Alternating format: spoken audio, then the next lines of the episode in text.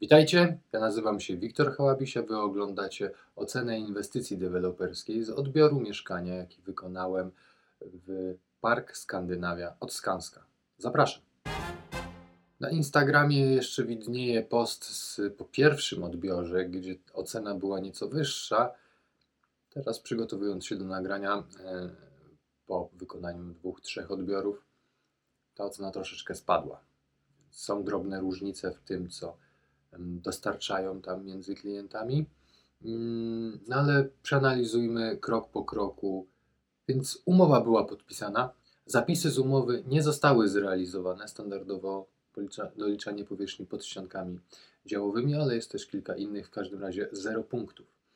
Mm, obsługa 4 e, punkty były możliwe, uzyskali 3, ponieważ nie naprawiali na odbiorze ale tutaj obsługa przekazuje informacje o lokalu, tu pół punkta, ponieważ dewelopera, pracownik pojawił się, pojawiał się na koniec, po prostu wysłuchiwał listy usterek. E, dzisiaj niestety mm, się nie pojawił. Deweloper ogranicza czas odbioru do godziny. Mówiłem Wam, że gdyby chcieć, no to można by zostać dłużej, bo wystarczyłoby ich nie wezwać. Natomiast tutaj mm, zaplanowaliśmy godzinę. Po 45 minutach miał się pojawić e, pracownik. Mamy go. Wdzwoniliśmy wcześniej, że potrzebujemy kluczyka. Ja wyszedłem po godzinie, tak jak byłem umówiony, jechałem na kolejny odbiór. Niestety nie doczekaliśmy się. Standard deweloperski. Powierzchnia pod ściankami niestety jest liczona i napisałem 0 punktów tylko dlatego, że pokusili się o dosyć absurdalny sposób liczenia powierzchni. Otóż nazywają tą powierzchnię powierzchnią netto mieszkania. To ja się pytam, jakim cudem ta powierzchnia netto mieszkania może zostać wpisana do księgi wieczystej, gdzie geodeta jest zobligowany inną ustawą o naliczaniu podatków od nieruchomości do liczenia powierzchni użytkowej. Więc to, że ustawa deweloperska nakazywała Wam wskazać powierzchnię mieszkania, nie znaczy, że mogliście robić to jak chcecie ponieważ inne ustawy wskazują, że powierzchnia, którą się posługujecie, ma Wam posłużyć do czegoś jeszcze. No ale nie jestem prawnikiem, e, natomiast sędziowie już orzekli wielokrotnie, że powierzchnia pod ściankami działowymi nie jest powierzchnią użytkową, więc teraz należałoby wykazać, że powierzchnia netto mieszkania nie jest podstawą do rozliczenia. Co więcej na temat tej powierzchni netto? Powierzchnia użytkowa to jest powierzchnia od ściany do ściany. Kiedyś od surowego e, bestynku, od surowej ściany. E, dzisiaj jest od otynkowanej ściany do ściany. Powierzchnia netto jest liczona pod ścianami działowymi. Wprost jest powiedziane, że nie jakieś przesuwne, demontowalne, kombinowalne, tylko podmurowanymi ścianami działowymi. Nie jest liczona tylko ściana zewnętrzna budynku osłonowe, i w przypadku mieszkania, gdybyśmy chcieli wydzielić poszczególne, bo powierzchnia netto jest liczona dla całej kondygnacji, nie dla poszczególnych, no ale dajmy na to, że podzielimy sobie ją, że powierzchnia netto korytarzy będzie ze ścianami zamykającymi.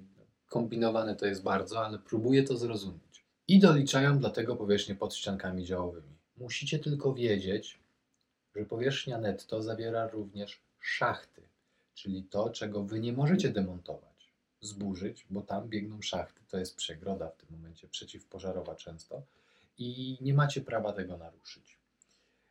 I zgodnie z tym, co sugeruje deweloper, liczy również tam. No bo powierzchnia netto jest liczona razem z szachtami. Więc jakkolwiek byście nie kombinowali, drodzy deweloperzy, to i tak nie będziecie mieli racji, ponieważ naciągacie rzeczywistość, a naciągacie ją pod siebie, więc nie widzicie, że z tyłu wam brakuje. Paru wykombinowało, że powierzchnia sprzedaży. Ma to sens? Klient jest poinformowany, powierzchnia użytkowa to jedno, a powierzchnia sprzedaży to drugie. Wy zarabiacie i jest porządek w papierach, nie tworzycie nowych. To mnie drażni. Robicie bajzel w całym tym już i tak pogmatwanym przepisami świecie. Więc do tego zero punktów, bo To jest absurd. Miejsca postojowe, kolejny absurd, to tylko w Skanskiej. Jak dotąd miejsca, które oglądałem moich klientów, miały wymiar 2,30 na 5. Tak jak deweloper y, miał prawo wrysować miejsca. Oczywiście mm, deweloperzy, którzy mają to prawo, tak, bo za, za, zaczęli y, budowę, y, zrobili projekt w czasach, kiedy obowiązywały stare wymiary, nadal rysują, y, już rysują miejsca 2,50, ponieważ takie są oczekiwania klientów. Takie mamy samochody, takich miejsc potrzebujemy. Oczywiście te miejsca wtedy u tych deweloperów, takich nadgorliwych, nazwijmy to są na przykład wrysowane na ścianie, na słupie, nie ma tych zachowanych odległości zgodnie z aktualnymi przepisami. No ale to już, jeżeli zmieści się miejsce 2,50, to te przepisy stare są ok. Natomiast w tym przypadku, kiedy mamy miejsce 2,30 do wrysowania, deweloper często usiłuje wmówić nam, że nie obowiązują odległości od ściany. Tak było bardzo dawno temu, a i tak było do tego objaśnienie, że należy się odsuwać od boku auta. W poprzednich warunkach technicznych, tych sprzed 2018 roku, które były nowelizowane wielokrotnie od 2002, mm, był zapis, że od boku auta 50 cm, więc parkujemy na środku miejsca 2,30 swoim autem i od jego boku ma być 50 cm.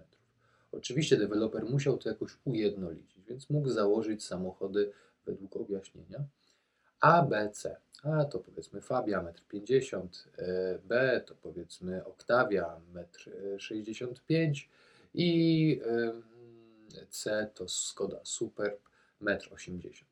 Wybrałem takie ze względu na popularność. No i od boku auta do ściany, jeżeli będzie ona wrysowana zgodnie z założeniami, że 10 cm od miejsca do ściany, no to jesteśmy w stanie fabie zmieścić. Więc niestety trzeba się odsuwać. E, skąd ten przydługi wywód do miejsca, które spełnia e, te założenia, ponieważ sąsiada miejsce nie spełniało tam, gdzie ja to wskazałem. Mi tam powiedzmy brakowało centymetr dwa dla Skody Fabii, a sąsiad miał miejsce wrysowane w słup. Po prostu linie kończyły się na słupie i jakbyśmy chcieli narysować, to są pod słupem. Więc tam nawet nie było 2,30 do granicy miejsca. Więc mojemu klientowi mogą przerysować miejsce, żeby tamtemu drugiemu narysować je lepiej i wtedy już ma niespełnione przepisy. I to tylko Skanska potrafi, bo inny klient na poprzedniej inwestycji w Skansce e, miał wrysowane miejsce 2,30 na ścianie. No nie szło zaparkować. Więc za te miejsca Skanska naprawdę się nie polubimy nigdy. Komórki lokatorskie e, były też murowane, co cieszy. Pytanie, co można w nich przechowywać, bo tak jak wielokrotnie Wam powtarzałem, e, są obostrzenia i ja je rozumiem. Tych komórek nie powinno być. Ja wiem, że musicie gdzieś przechowywać, natomiast deweloperzy mogą e, sprzedawać mniej mieszkań, a więcej komórek na piętrach w sensie. Mm, opis okien. W standardzie była tylko informacja, że mm, okna będą plastikowe. Tynki e, podano tylko, e, że będą gipsowe i fajnie, że ściany były pomalowane i duży plus za to, że farba nie odchodziła. Bo często jak są malowane, to po przyklejeniu taśmy odrywamy, wszystko złazi nie jest to co prawda normowe badanie, ale już coś nam mówi o szczypności ściany. Przykład, o kurczę, jest tak źle, że rozkładam sprzęt, zrobię to zgodnie z normą. Przy użyciu takiego skalpelka normatywnego, nacinając tynk w trzech miejscach, e, wykonując taką siatkę nacięć. Osprzęt elektryczny zamontowany, szkoda, że nie było możliwości jego sprawdzenia. I dzisiaj miałem brak opisu e, na skrzynce mm, tej, tej mm, rozdzielczej e, prądowej, mm, ale do usterek mieliśmy wrócić później, więc co dalej? Biuro odbiorowe. Instrukcje były jasne, dostawaliśmy kod do domofonu, wchodziliśmy, lokal był otwarty, tam była karteczka, zadzwoń, zamów z dowozem. Niestety dowóz dzisiaj się nie udał. E, Czas na odbiór e, lekko ograniczony, e, parking. No dzisiaj akurat tragicznie daleko udało mi się zaparkować, no ale wiedziałem na co się pisze, nie było to dla mnie zaskoczeniem. Zakończenie prac to tutaj trzeba ich pochwalić, że wielu mm, na tym etapie jeszcze nie są gotowi na odbiory. Lokal przygotowany tak. Czysto, schludnie, ładnie. Szkoda tylko, że nie było kluczyków do okien na parterach i kogoś, kto by tam mógł z nami coś dyskutować. Taki przyjęli sposób ma on swoje plusy i minusy. Dzisiaj akurat dostrzegłem minusy. I porozmawiajmy o usterkach. Odparzony tynk na elewacji i wilgoć e, widoczna w analogicznym miejscu po drugiej stronie balkonu sąsiada. Ewidentnie jakiś zaciek, degradacja, mm, no trochę niepokojące. Odchyłki od pionu płaszczyzny ram okien balkonowych, to we wszystkich oknach balkonowych się powtarzało. E, Nierozprowadzenie kanalizacji do przyborów.